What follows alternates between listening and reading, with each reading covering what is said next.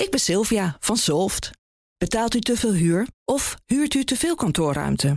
Solft heeft de oplossing. Van werkplekadvies, huuronderhandeling tot een verbouwing, wij ontzorgen u. Kijk voor al onze diensten op soft.nl. Wetenschap vandaag. En vandaag met Martijn Rosdorf, live vanuit Florida. Je zit op een uh, steenworp afstand van Cape Canaveral, Martijn. Ja, als ik heel hard gooide, dan klopt dat. Het is ook toepasselijk, want ik heb ruimtevaart gerelateerd nieuws. Nou, vertel, wat heb je? Nou, ik, moest, ik wist het al een paar dagen, maar we moesten zwijgen. Er zat een embargo op, groot nieuws. Maar nu staat het in Nature en kunnen we dus vrij uitspreken. De James Webb ruimtetelescoop die heeft iets opvallends ontdekt. Ik sprak daarover met Michiel Min. Hij is hoofd exoplaneten bij ESRON. Dat is het Nederlands Instituut voor Ruimteonderzoek. Ja, de James Webb die komt vaker voorbij in uh, Wetenschap Vandaag. Dat is toch die enorme telescoop, ruimtetelescoop... die lijkt op een soort gouden tortilla. Ja, precies. Eh, het is de grootste telescoop die we in de ruimte hebben. Een gouden spiegel van 6 meter kan heel nauwkeurig het licht meten van sterren en planeten heel ver weg. Eigenlijk warmte vooral, infrarood. En met dat ding, die James Webb, hebben ze dus heel zorgvuldig gekeken naar een hele rare planeet. De suikerspinplaneet. Oh. De Cotton Candy Planet. En die heet zo omdat hij een ontzettend uh, lage dichtheid heeft. Hij is een soort fluffy planeet. En wat zag James Webb? Nou ja, luister maar even naar ruimteonderzoeker Michiel Min van Esron.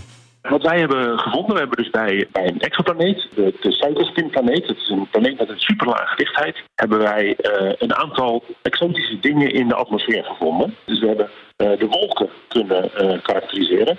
Waar wij op aarde waterwolken hebben, hebben ze op deze planeet wolken gemaakt van zand. Dus de Suikerspinplaneet heeft wolken gemaakt van zand. Ja, wolken van zand. Ik ben geen meteoroloog, maar op aarde hebben we geen wolken van zand, toch? Nee, af en toe een stofstormpje, maar geen weersystemen van, van zand, zoals op die suikerplaneet, suikerspinplaneet wel. Op aarde ontstaan wolken doordat water verdampt en dan stijgt het heel hoog op. Daar is het kouder, dan condenseert het tot waterdruppeltjes. Dat worden wolken en als die wolken te zwaar worden, hè, te veel concentratie van die druppeltjes, dan valt het naar beneden als regen.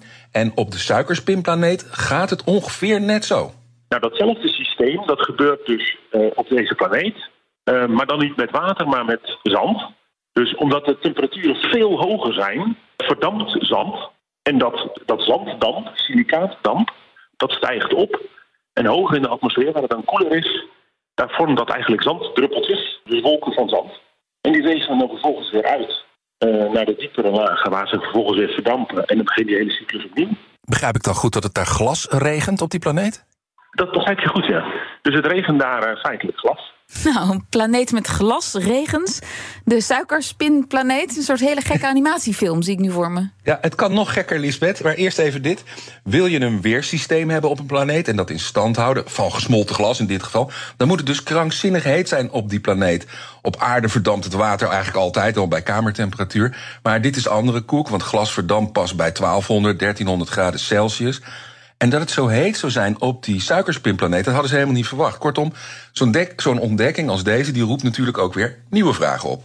Die, die hele uh, suikerspinplaneet is best wel raadselachtig. Want hij heeft een hele lage dichtheid. En hoe, waarom heeft hij nou die lage dichtheid?